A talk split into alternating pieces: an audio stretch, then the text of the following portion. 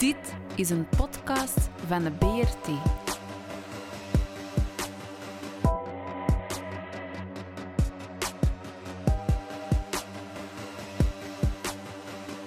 De Brabantse radio- en kleurentelevisie. Uh, goedendag beste luisteraars en welkom bij Brasserie Brabant, een podcast van de Brabantse radio- en kleurentelevisie. Ik ben nog steeds jullie host Christophe en natuurlijk heb ik vandaag bij mij uh, ons uh, in de brasserie en dat is Ramon. Dag Ramon. Dag Christophe. Uiteraard hebben wij vandaag ook een razend interessant onderwerp uit de Brabantse geschiedenis, deze keer alweer. We hebben het over, en ik moet eerlijk zeggen, ik had van de mens nog nooit gehoord, een zekere Gropius Becanus. Maar ik denk dat Ramon daar al wel iets meer over kan vertellen. Wie is dat? Ja, iets, meer, maar niet alles. Anders uh, zouden we vandaag ook geen uh, expert en geïnteresseerde aan tafel hebben. Maar ik woon al wat langere tijd in Tilburg. Tilburg en uh, even een, een, kleine schets. Als je vanuit Tilburg de fiets pakt, mm -hmm. dat is allemaal goed te doen, en je fietst naar het zuiden, dan ligt daar een heel mooi landgoed, uh, bezijden Goorlen. En dat landgoed heet Gorp en Rovert. En uh, dat, is, dat is ook een prachtige plek om sowieso te zijn. Ook al weten niks van de geschiedenis en de omgeving. Het is, het is een wat, uh, nog een wat ouder landschap om, om doorheen te gaan met heide en uh, wat coulissen en een mooie beek die daar doet. Dus, mm -hmm. Maar ik, ik kan me nog herinneren dat een jaar of twintig terug dat ik daar op mijn fietsje doorheen kwam gefietst. En daar een paar hele mooie boerderijen zag liggen. En op een van de boerderijen stond ook een uh, plaquette. Een, uh, en daar stond bij uh, geboortehuis, vermoedelijk geboortehuis van Goropius Becanus. Nou, die mens die zei mij nog niet zo heel veel. Maar ja, ik ben in Tilburg terechtgekomen om onder andere taal te gaan studeren. En ook bij taal hoort etymologie. Mm -hmm. En wie etymologie zegt, zegt toch ook een beetje Goropius. Daar zullen we straks denk ik toch wel op terugkomen. dus ja, het, het, is alsof je mij in stilte toefluisterde dat het goed zat met de studiekeuze die ik gedaan had. Ja. Het is trouwens, als je van daaruit doorfietst, kunnen ook prachtiger. Uh, Goropius heet Goropius Becanus, het dorpje heet Gorp. Ah, ja. Dus je ja. kunt je voorstellen waar dat vandaan komt. En als je dan een stukje doorfietst, komt je in Hilvarenbeek, mm -hmm. Becanus. Daar kun je trouwens uh, heerlijk op de markt en, uh, of op de, uh, het ooggrote plein daar lekkere biertjes drinken en in de brouwerij. En ik vermoed dat dat in de tijd van Becanus ook het geval moet zijn geweest. Dus die mensen die groeiden op in een mooie omgeving. Mm -hmm. maar ja, het Kemperland, wat ik weet, is natuurlijk daarna altijd een, een armlastig land geweest. dat zal het klapzand alles aan ten oorzaak liggen. Je kunt de Hollandse kolonialisatie de schuld geven, of de katholieke knoet. Maar ik had, uh, uh, toen ik me wat ging verdiepen in Goropius Becanus, niet vermoeden dat daar zo'n rijk verhaal op zo'n arm gebied kon ja. terugvallen. Dus dat maakt mij zeer nieuwsgierig naar de tijd waarin die mens opgroeide. In, en hoe het Gorp en de omgeving en Brabant in die tijd geweest moet zijn. Ja, en we hebben er een gast voor. Zekers. Uh, en dat maakt mij heel nieuwsgierig. We hebben Ton Kappelhof uitgenodigd. Tip van Rudiger, die, uh, die graag altijd wat opsporingswerk voor ons doet. Die bracht mij op het pad van Ton. En Ton, ik denk dat jij je het beste kunt voorstellen aan ons. Ja, ik ben uh, Ton Kappelhof. Ik ben geboren in Breda. Mm -hmm. um, mijn ouders kwamen eigenlijk uit Holland, maar die hebben zich in 1941 in Breda gevestigd.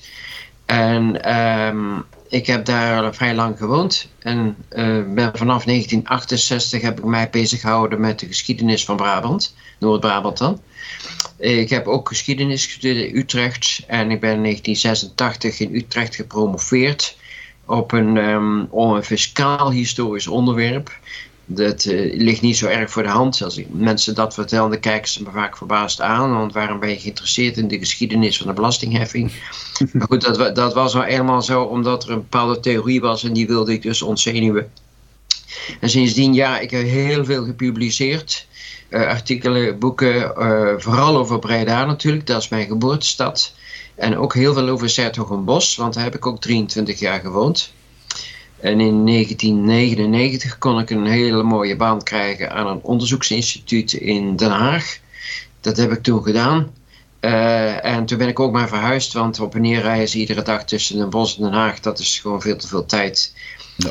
Uh, maar ik ben nu gepensioneerd En ik blijf gewoon in Den Haag wonen, heeft allerlei voordelen. Want ik zit heel dicht bij de belangrijkste bronnen. Ik zit dicht bij de Koninklijke Bibliotheek. Bij het Nationaal Archief, waar het allemaal ontzettend veel materiaal zit, waar nog nooit iets mee gedaan is. Over Brabant dus. Ah ja. Mhm. En hoe komen we dan bij Geroopjes, onze brave man waar we het over gaan hebben? Uh, nou, het is een bekende naam uh, in het Brabant van de 16e eeuw. Je moet je voorstellen dat het, uh, het hertogdom Brabant toen eigenlijk op het hoogtepunt van zijn bloei stond. Mm -hmm. Het was de tijd van de renaissance en die Gropius Becanus, die heette eigenlijk Jan van Gorp uit Hilvarenbeek. En, maar dat, dat, dat deden ze in die tijd vaak. Dan verlatijnsten ze de naam. Dus iemand die Jansen heette, dat, die noemde zich Jansenius. Dat klinkt veel deftiger en veel mooier, maar het is gewoon Jans hoor. Ja. En uh, ja, dat was het hoogtepunt van de, de Brabantse renaissance, een bloeitijd. En Gropius heeft een groot deel van zijn leven doorgebracht in Antwerpen. En dat was toen eigenlijk een wereldstad, het centrum van de internationale handel. Daar kwam alles bij elkaar. Uh, als je ja, uh, goed op de hoogte wilde zijn, dan moest je daar wonen. En hij kreeg daar op een gegeven moment de functie van stadsdokter. Want hij had in Leuven medicijnen gestudeerd. En um, dan kon je dus een baan krijgen als stadsdokter. Dat wil zeggen, was eigenlijk adviseur van het stadsbestuur. En dat was een goed betaalde baan en dat, heet, uh, dat heeft hij ook gebruikt om zich uh, te verdiepen in allerlei geschriften. En tenslotte een boek geschreven over de oorsprong van de stad Antwerpen. Oh ja. En uh, daarin komt hij met de fantastische theorie dat, um, en dat is dat de taal die Adam en Eva in het paradijs met elkaar spraken, dat was Brabants. Ah ja, oké. Okay. Ja, en uh, zei, uh, daar komt alles vandaan. En uh, ja, dat viel natuurlijk in Antwerpen wel goed. er waren, toen ook al mensen die zeiden, nee, dat klopt helemaal niet, dat is helemaal niet waar. Maar hij heeft een heel dik boek geschreven van duizend bladzijden. Dat liet hij drukken bij Plantijn. Dat was een, die, die tijd een hele beroemde drukkerij in Antwerpen. Die ook kwaliteitswerk leverde. En hij schreef in het Latijn dat klinkt voor ons heel moeilijk, maar dat was in die tijd ja, de taal uh, die de mensen die geleerd waren beheersten. Ze schreven elkaar brieven in het Latijn. Uh, nou, het voordeel is natuurlijk dat het is een internationale taal. Wat nu het Engels is, was toen ja. uh, voor ook het Latijn. En, en waar zouden wij Geroopjes nog meer van, van moeten kennen? Want ik kwam ook ergens op een website tegen het werkwoord geropiseren, bijvoorbeeld. Wat ik ook een hele interessant werkwoord vind. Maar Waar heeft hij die eer aan verdiend? Nou, wat, wat de betekenis die hij nu nog heeft, is dat hij eigenlijk als, uh, als een van de eerste zich bezig heeft, heeft gehouden met etymologie. Dus gekeken heeft wat de betekenis is van woorden, uh, waar ze vandaan komen. Hij heeft ook plaatsnamen zoals Antwerpen. En dan zegt hij ja, dat, dat verhaal wat in Antwerpen rondzingt, dat het uh, een reus is en die wordt de hand afgehakt en die wordt in de schelde geworpen. Dat is onzin, zegt hij. Dat is helemaal niet waar. Maar het heeft iets te maken met de werf, dus dat wil zeggen de kade waar de Schelde dus tegen de, de stad aanstroomt. En dat was in die tijd ook bekend. De Schelde was zo diep dat je met de schepen tot uh, vlak aan de kade kon mieren en dan kon je gewoon heel snel laden en lossen. Dus dat was gewoon een strategisch voordeel van Antwerpen. En zo heeft hij dus ja, uh, allerlei etymologieën. Sommige ervan kloppen helemaal niet, andere juist weer wel. Uh, maar hij heeft als eerste die etymologie op de kaart gezet. En hij is eigenlijk meer een, een taalkundige dan een historicus. Maar tegelijkertijd was het zo dat hij alle klassieke auteurs, zelfs hele obscure, die had hij allemaal gelezen. Die had hij waarschijnlijk ook in huis. De Bijbel, die had hij ook gelezen, want dat waren zijn voornaamste bronnen. De klassieke auteurs, uh, Latijnse vooral. En daarnaast natuurlijk de schrift, want dat was toen ook een belangrijke bron. Maar ik hoor ook, hij is stadsarts, dus hij was taalkundige, maar ook arts. Hoe, hoe valt dat in die tijd te rijmen? De, de opleiding medicijnen was in die tijd eigenlijk een hele algemene opleiding. En heel veel mensen die, zoals dat heette, medicine doctor waren, die dus gepromoveerd waren in de medicijnen, die, uh, die hielden zich met van alles nog wat bezig. In Den Bosch bijvoorbeeld was er een arts, ook een medicus, en die heeft het kruidhuis ontworpen. Het was gewoon een architect.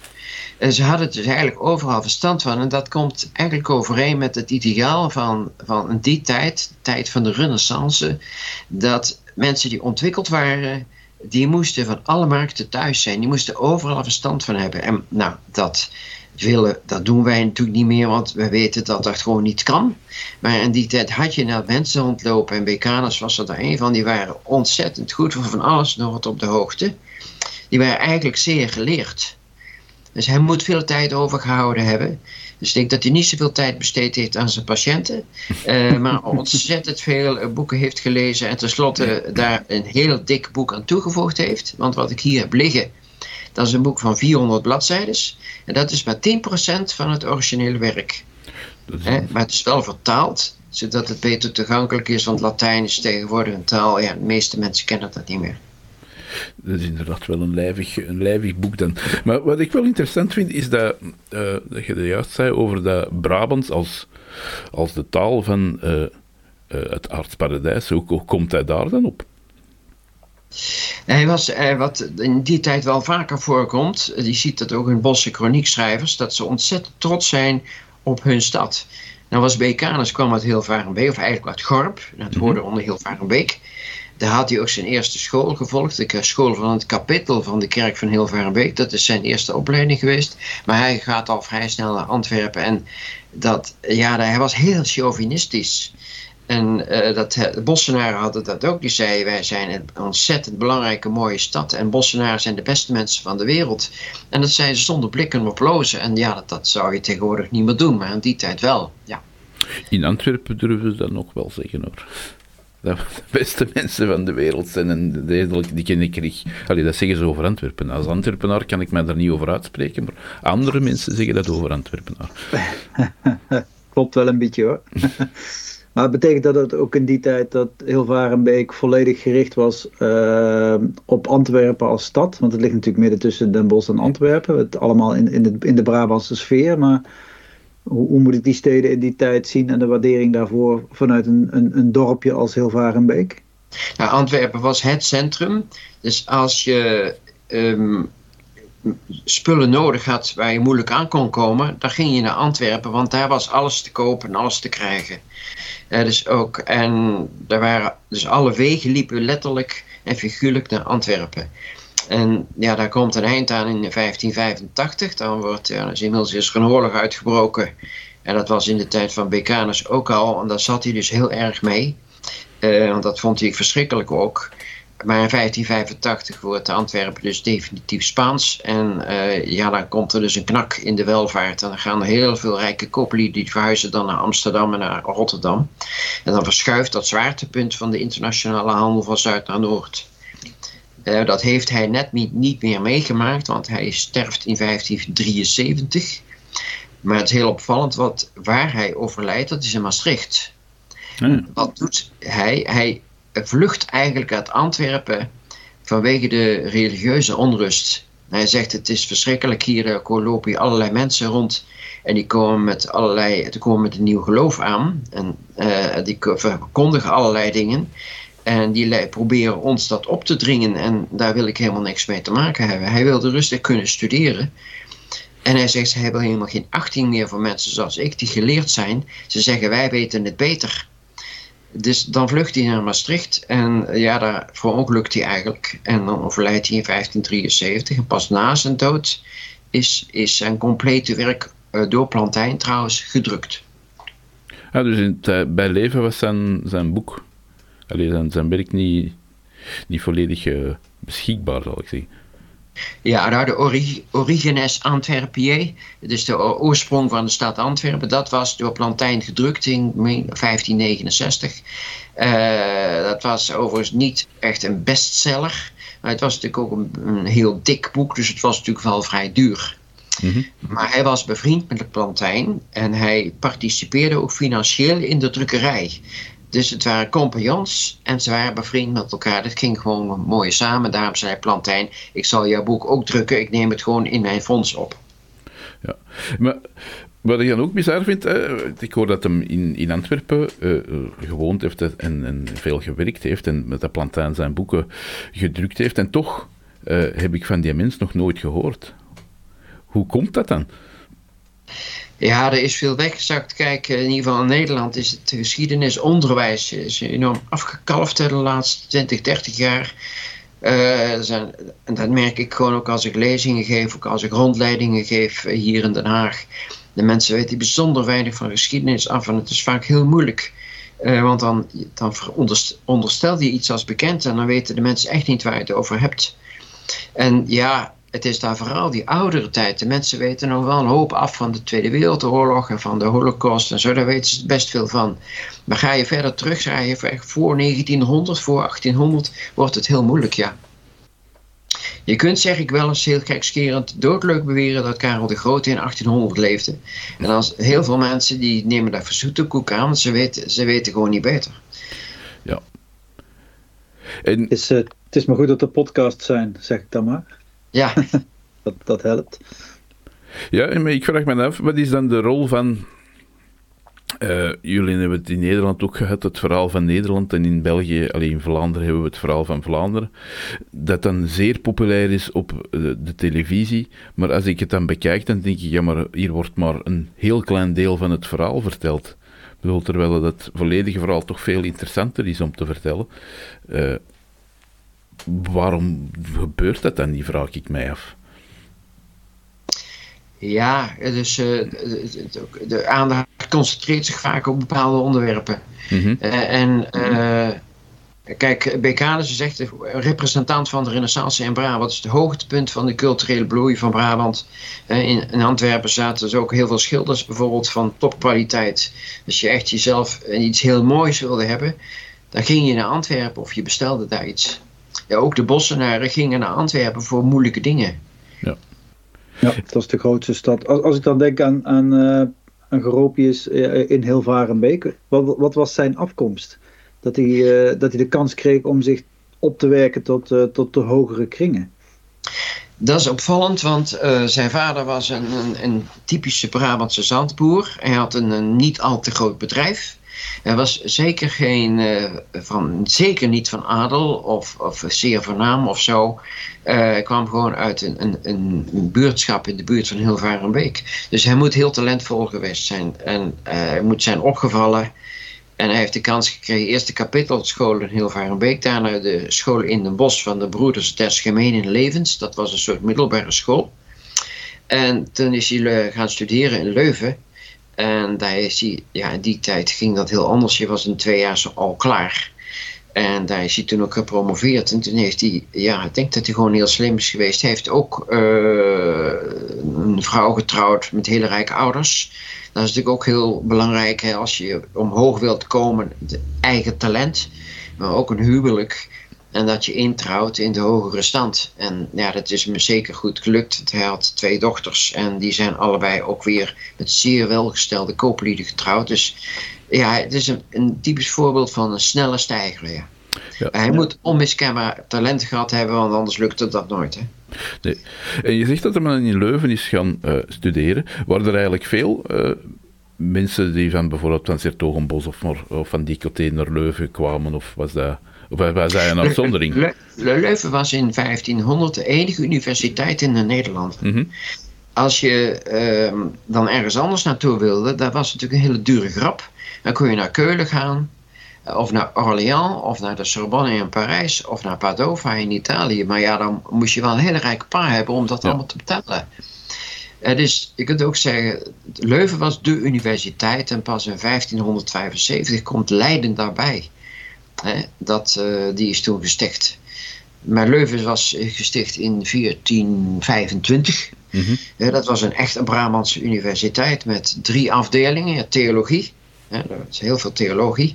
Uh, rechten, dat is Romeins recht, kanoniek recht. En medicijnen. Er waren maar drie faculteiten in die tijd aan een universiteit. dus als je daar naartoe ging, dan deed je eerst een soort vooropleiding. Dan mocht je jezelf magister artium noemen. Meester in de kunsten, MA. Die, die, afkorting wordt nog steeds gebruikt, maar betekent nu heel iets anders. Ja. En daarna koos je, koos je een faculteit. En eigenlijk medicijnen was een faculteit waar je alle kanten mee op kon. Nou ja. En hij kiest dan voor uh, medicijnen en wordt dan. Uh, ja. En hoe, hoe is hij dan ook arts geworden? Ja, nou is het zo, een, een academisch gevormde arts als Becanus, um, die maakte letterlijk zijn handen niet vuil. Dat wil zeggen, hij uh, uh, consulteerde, hij ging op bezoek bij patiënten of die kwamen hem consulteren. En hij praatte met ze. En hij uh, keek wel hoe ze eruit zagen. Maar hij ging niet snijden of zo. Want dat was, dat was het werk van een heel andere uh, specialist. Dat was de chirurgijn.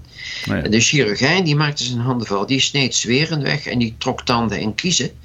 En uh, als iemand zijn been gebroken had en de chirurgijn was erg goed, dan kon de chirurgijn dat been zetten. Dat deed de academisch gevormde arts niet. Dit was ook een veel deftiger man dan een chirurgijn, die uh, ja, letterlijk zijn handen vuil maakte en onder het bloed en zat. En de, de medicine dokter, die, die, dat was de geleerde en op basis van theorie uit klassieke oudheid, uh, vooral de, de, leer van de verschillende sappen in het lichaam, uh, kon hij dus zeggen van nou je moet uh, meer drinken of juist minder drinken of je nou, therapieën waarvan wij zeggen ja dat ja. heeft helemaal nooit geholpen. Ja. Maar bijvoorbeeld aderlaten, dus bloed afnemen, dat deed de, de dokter schreef dat wel voor, maar dan ging de chirurgijn ging dat, dat, af, dat aftappen van het bloed doen. En dan tapte ze een half of een hele liter af. Want door dat aftappen gingen de slechte, slechte vochten die in het lichaam zaten en die de mensen ziek maakten, die, die, werden dan, die, die konden dan af, wegstromen. Ja. En... Moet, moeten we zo ook zijn, zijn rol zien? Want ik heb begrepen dat hij ook lijfarts was van Philips II. Nou, Philips, dat was natuurlijk heel eervol. De koning van Spanje, Philips II, vroeg hem uh, om lijfarts te worden. Ja. Dan moet je je wel voorstellen, dit soort grote lieden als de koning van Spanje hadden heel, heel veel lijfartsen. Hè? Ze hadden er niet één, ze hadden er misschien wel vijf of tien. En daar omringden ze zich mee. Maar Becanus heeft dat beleefd geweigerd. En um, hij wilde toch tijd voor zichzelf houden om dit hele dikke boek te schrijven. Want hij, dat was dus een man die altijd aan het studeren was. Ja, en wat schrijft hij dan allemaal in dat hele dikke boek? Dat gaat eigenlijk over de, de oorsprong van Antwerpen en um, die voert hij terug tot het, uh, um, tot het volk van de Kimbren. Dat is uh, 100, jaar, 100 jaar voor Christus, is dat een Germaanse volkstam. En die uh, vallen dan Europa binnen en die komen zelfs naar Italië toe. Dus dan bedreigen ze ook de Romeinen. En zegt daar stammen de Antwerpenaren van af. En dat baseert hij allemaal op klassieke auteurs. Dat klopt allemaal niet. Mm -hmm. He, zoals ook bijvoorbeeld hij doodleuk zegt dat de, de Rijn in de Schelde uitmondt. Waarmee dus gezegd is dat de Schelde, waaraan Antwerpen ligt, dat is de belangrijkste rivier van de Nederlanden. Nou is de Schelde van een hele grote rivier. Maar de Rijn mondt echt niet uit in de Schelde, sorry. En de Maas ook niet. He, dus ja, dat doet hij gewoon. Hij is daar zo trots op, op zijn stad. En uh, daar gaat hij alsmaar mee door, ja. ja. Dus hij, hij geeft eigenlijk een voeding aan een, aan een verhaal voor Antwerpenaren om heel trots op te zijn. Maar het is natuurlijk wel voor een groot deel een geromantiseerd en geconstrueerd verhaal die die, uh, die, die levert. Ja, het was, is... Was, was, waarschijnlijk uh, was daar grote behoefte aan op dat moment ook? Jawel, ik denk het wel. En uh, kijk, de boekdrukkunst die was in volop in opkomst. En wat het meeste gedrukt werd, dat waren bijbels. Uh, maar dit soort boeken, daar was ook wel belangstelling voor. Dus uh, ja, het... En ja... En heeft hij dan ook zo uh, theorieën die dat, uh, u zei dat straks in, in het begin van het gesprek ook, die dat wel juist waren? Of? Nou, bijvoorbeeld wat hij gezien, goed gezien heeft. Je hebt heel veel plaatsnamen in de buurt van Antwerpen die eindigen op hem of heim. Mm -hmm. en, uh, zij, en, of, uh, en dan oudere spellingen is het Gaheim of Ingaheim. En hij zegt dat heim, dat is het huis het, waar mensen vandaan komen. Dat klopt wel. Ja. Dat heeft hij dus goed gezien. Uh, en waarschijnlijk is zijn verklaring van de, de plaatsnaam Antwerpen ook wel correct, ja. Maar de, aan de andere kant zegt hij dan ook weer door, leuk als dus die, uh, die Kimberen zich in Antwerpen gevestigd hebben, dan gaan ze zich uitbreiden. En dan gaan ze weer rijk uitbreiden, dan gaan ze richting Ardennen. En dan laat hij de Ardennen al beginnen in Berchem. Dat is de voorstad van Antwerpen. Ja, dat is... dan moet je toch echt iets verder reizen, ja. Ja, ja, ja. Berchem is iets... Berchem is veel, maar Ardennen is het zeker. Maar, maar, ik denk nog steeds dat voor veel Antwerpenaren het voelt alsof de, de, de uh, Ardennen beginnen na Berchem. Dus Het zou nog kunnen, toch, Christophe? Ja, het is in, in Nederland zo dat uh, voorbij Apkoude begint, uh, daar wonen alleen maar boeren. Hè? Dat, zeggen, dat vinden Amsterdammers. Uh, ja. Apkoude dus, ligt net aan de rand van Amsterdam. Dus dat is voorbij Apkoude, ja, daar wonen alleen maar boeren en dat is ook niet van belang. En, ja. Tegenwoordig zeggen we Antwerpen is stad en de rest is parking. Dus... ja, tegenwoordig wel, ja. Dus ja, die dikke nek, het zit er het zit er nog wel in hoor, in Antwerpen. Maar Antwerpen had toen 100.000 inwoners. Dat lijkt, voor ons is dat niet zoveel. Maar het was verreweg de grootste stad van de Nederlanden. Hè? Dus ja. steden als Brussel en Luik, die kwamen lang niet zo ver. Nee, ik, heb, um, ik denk dat het met Jeroen Olieslagers was in de tijd. Je sprak ook over 100.000 inwoners voor Antwerpen. En Amsterdam bijvoorbeeld dan iets van een 3000. Ja. Uh, 4000 inwoners had. Dus dat is wel een gigantisch verschil. Het zijn van de grootste steden op dat moment, denk ik, in, het, uh, in, in, in Noordelijk Europa, toch? Nou, je had natuurlijk wel steden als, uh, nou, wat, uh, wat, nu Istanbul is, het was, Constantinopel was ook heel groot hoor. Um, en wat, Parijs was ook een hele grote stad, Keulen was heel groot. maar in de Nederlanden is Antwerpen ver weg de topper, ja, in die tijd. Hè? Ja. ja, daarom zeg ik Noord Noordelijk Europa, het zuiden was natuurlijk de handelslijnen liepen ook allemaal naar het zuiden. Vandaar dat het de poort was natuurlijk naar het zuiden toe voor, uh, voor het achterland. Met allemaal exotische producten en, en beelden en uh, filosofieën en noem maar op. Dus ja. uh, waar, waar, ik nog wel heel nieuwsgierig naar ben, Ton, is... de Geropius heeft een vrij katholieke opvoeding gehad. tenminste, zijn leerschool was in die tijd, denk ik, is dat natuurlijk de logische weg. Uh, maar hij was ook een, een renaissance man. Uh, hoe moeten we hem daarin schalen? Was, uh, voelde hij zich vrij om van de kerk zijn beelden te, te, te, naar buiten te brengen? Of was hij echt een product van, van, van het katholieke? Nou, dat is heel interessant. Um, je moet het zo zien dat met die reformatie er twee kampen ontstaan. De Calvinisten aan de ene kant, die heel fanatiek waren en ook heel onverdraagzaam. En aan de andere kant al heel vroeg, dus Anna bijvoorbeeld, dat was een vrouw uit Antwerpen, die al meteen als Luther begint zegt, dat is helemaal verkeerd wat Luther zegt, we moeten katholiek blijven. En ze heeft hele felle gedichten geschreven waarin ze enorm uithaalt naar Luther en uh, naar de hand ook naar Calvijn. Er waren heel veel mensen die vonden al dat geruzie eigenlijk heel erg vervelend. Ze wilden graag zo doorgaan als ze dat altijd gedaan hadden. Ja. En dus waar Gropius vooral last van heeft gehad, is van die uh, want die opstand leidt ook tot oorlog en tot onveiligheid. Tot uh, Antwerpen wordt in 1576 door de muitende Spaanse soldaten geplunderd. Ja. Dat heeft hij net niet, nog net niet meegemaakt, maar uh, dat gebeurt dus wel. Dus deze sfeer van onveiligheid, van gevaar, van angst ook, omdat ook de houding van de Spanjaarden, van de koning Philips II voorop, was zeer onverdraagzaam. En dat was een zeer repressief regime. Dus ook al sympathiseerde je met het Calvinisme, je moest ontzettend uitkijken, je moest op je woorden letten.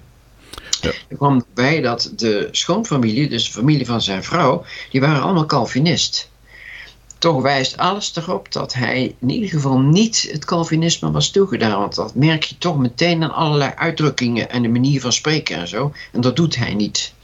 En mhm. dat hij tenslotte naar Maastricht vlucht, waar het, het, klimaat wat toleranter was, waar het allemaal de zeeën niet zo hoog gingen. Dat wijst er ook op dat hij daar toch gewoon enorm mee zat en dat hij zich niet veilig meer voelde in Antwerpen. Dan is er verder nog, en dat is heel interessant, is het gerucht, we weten dat niet zeker, dat hij aangesloten was bij een secte. En die heette het Huis der Liefde. Ah ja. En het Huis der Liefde was een, secte van mensen die ook genoeg hadden van al die oorlogen, al die strijd en al die onverdraagzaamheid, al dat elkaar verketteren, want dat was het ook letterlijk. En ging echt, de zee ging heel hoog en uh, werd, kon zich zeer fel uitlaten. Wij zeggen tegenwoordig ook wel lelijke dingen, maar in die tijd konden ze dat in het Nederlands of in het Latijn, dat kan allebei, deden ze dat ook hoor. En die, met die aanhangers van het Huis der Liefde, dat was een geheime secte, want uh, daar moest je enorm mee uitkijken. Men zegt dat hij daar ook lid van geweest is. Ja, ja. oké. Dat is interessant, want onze, onze eerste bekende naam als gast was Jeroen Olieslagers. In een boek Wilde Vrouw gaat het ook over het Huis der Liefde. Onder andere, dat komt er ook zeer aangebreid in voor, in zijn, in zijn roman. Je zou bijna zeggen dat we in deze tijd ook wel weer een huis der liefde enigszins kunnen gebruiken, denk ik. ja, de, dat is, de, mensen verketteren elkaar weer, maar op een andere manier. Dat is, nu gaat het niet meer om de religie, maar om weer andere dingen. Ja. Individuele vrijheden en dat soort zaken. Onder andere waar Gropius misschien uh, ook wel een, uh, een start voor heeft gebracht natuurlijk. Hè? Het vrije denken en uh, de nieuwe wetenschappen het, het, licht laten zien. Ja. Dus, en hoe ja, met zijn bekendheid, misschien in Noord-Brabant is hij gekender, misschien dan hier in het zuiden. Maar wat is nu eigenlijk zijn plaats in, in de geschiedenis en krijgt hij genoeg eer of verdient hij meer bekendheid? Uh, nou, ik heb dat boek destijds gekocht omdat ik uh, eigenlijk geïnteresseerd was in de geschiedenis van Antwerpen. Dat vond ik daar niet. Maar ik heb het nu ook weer delen in verband met dit gesprek, heb ik weer helemaal eh, opnieuw gelezen. En het is toch heel boeiend en heel charmant en bijna vertederend hoe hij dus te werk gaat. Het is vooral zijn manier van werken en zijn enorme geleerdheid, want hij citeert dus uh, schrijvers. Nou, dat zijn echt hele obscure Latijnse schrijvers zijn dat. En hij zegt ook, uh, ja kijk, de, met behulp van de reden kun je op de juiste godsdienst uitkomen. Ja. Dus het is enigszins verdedigt hij het, uh, het, het, de redelijke benadering, het verstandelijke. Aan de andere kant de autoriteit van de Bijbel, van de schrift, die is voor hem onaangetast. Ja, dus, uh, hij staat op het, het breukvlak van, van een tijdperk eigenlijk op die manier.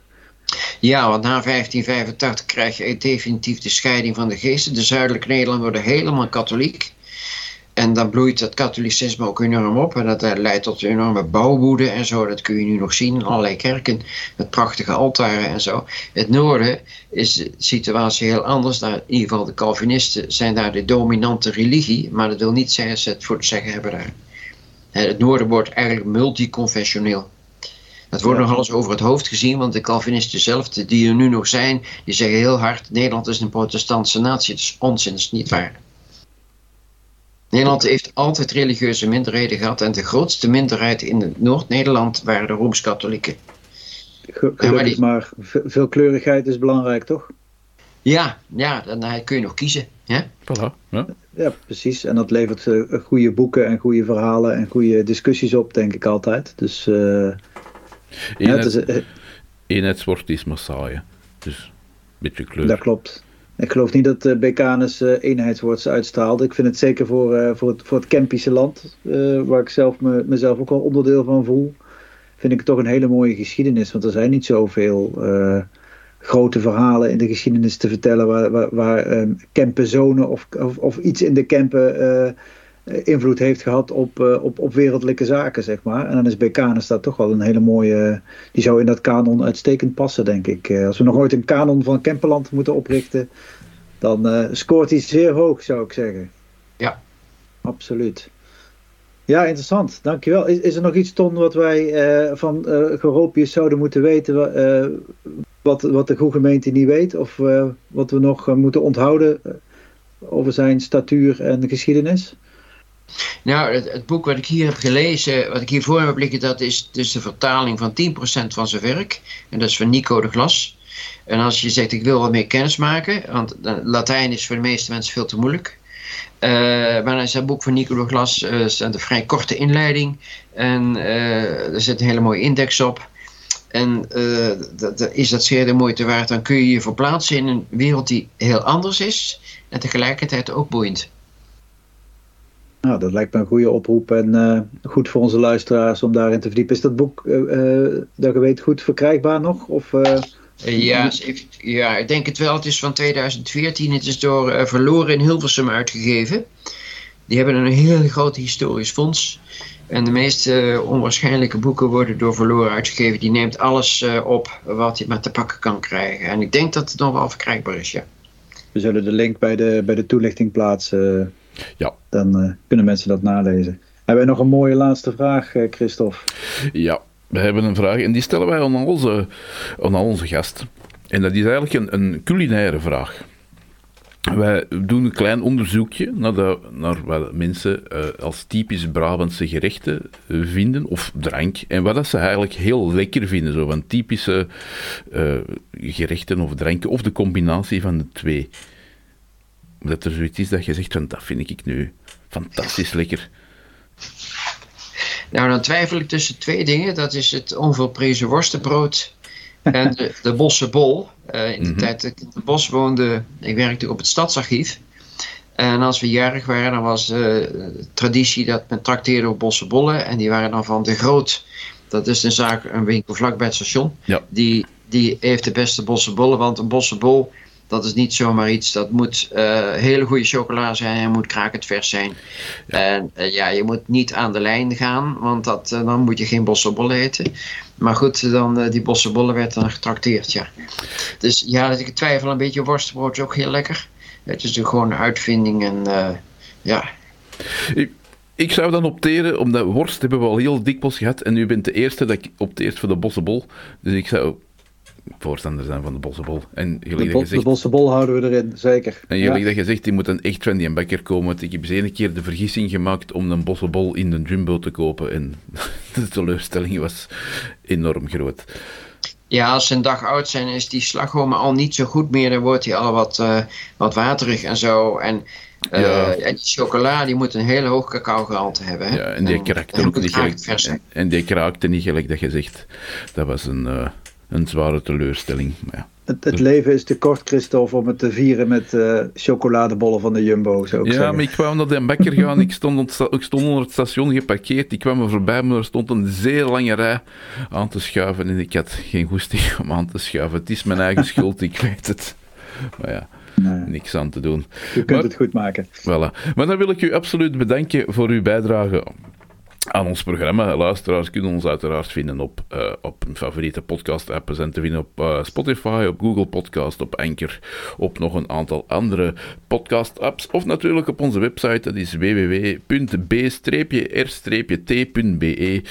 Uh, wat kun je daar nog op vinden? Al onze vorige afleveringen kan je daar ook op vinden.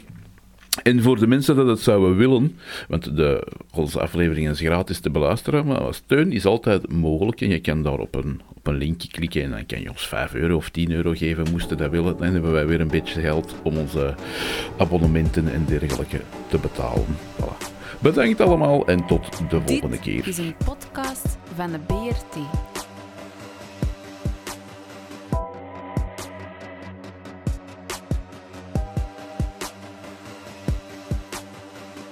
De Brabantse radio- en kleurentelevisie.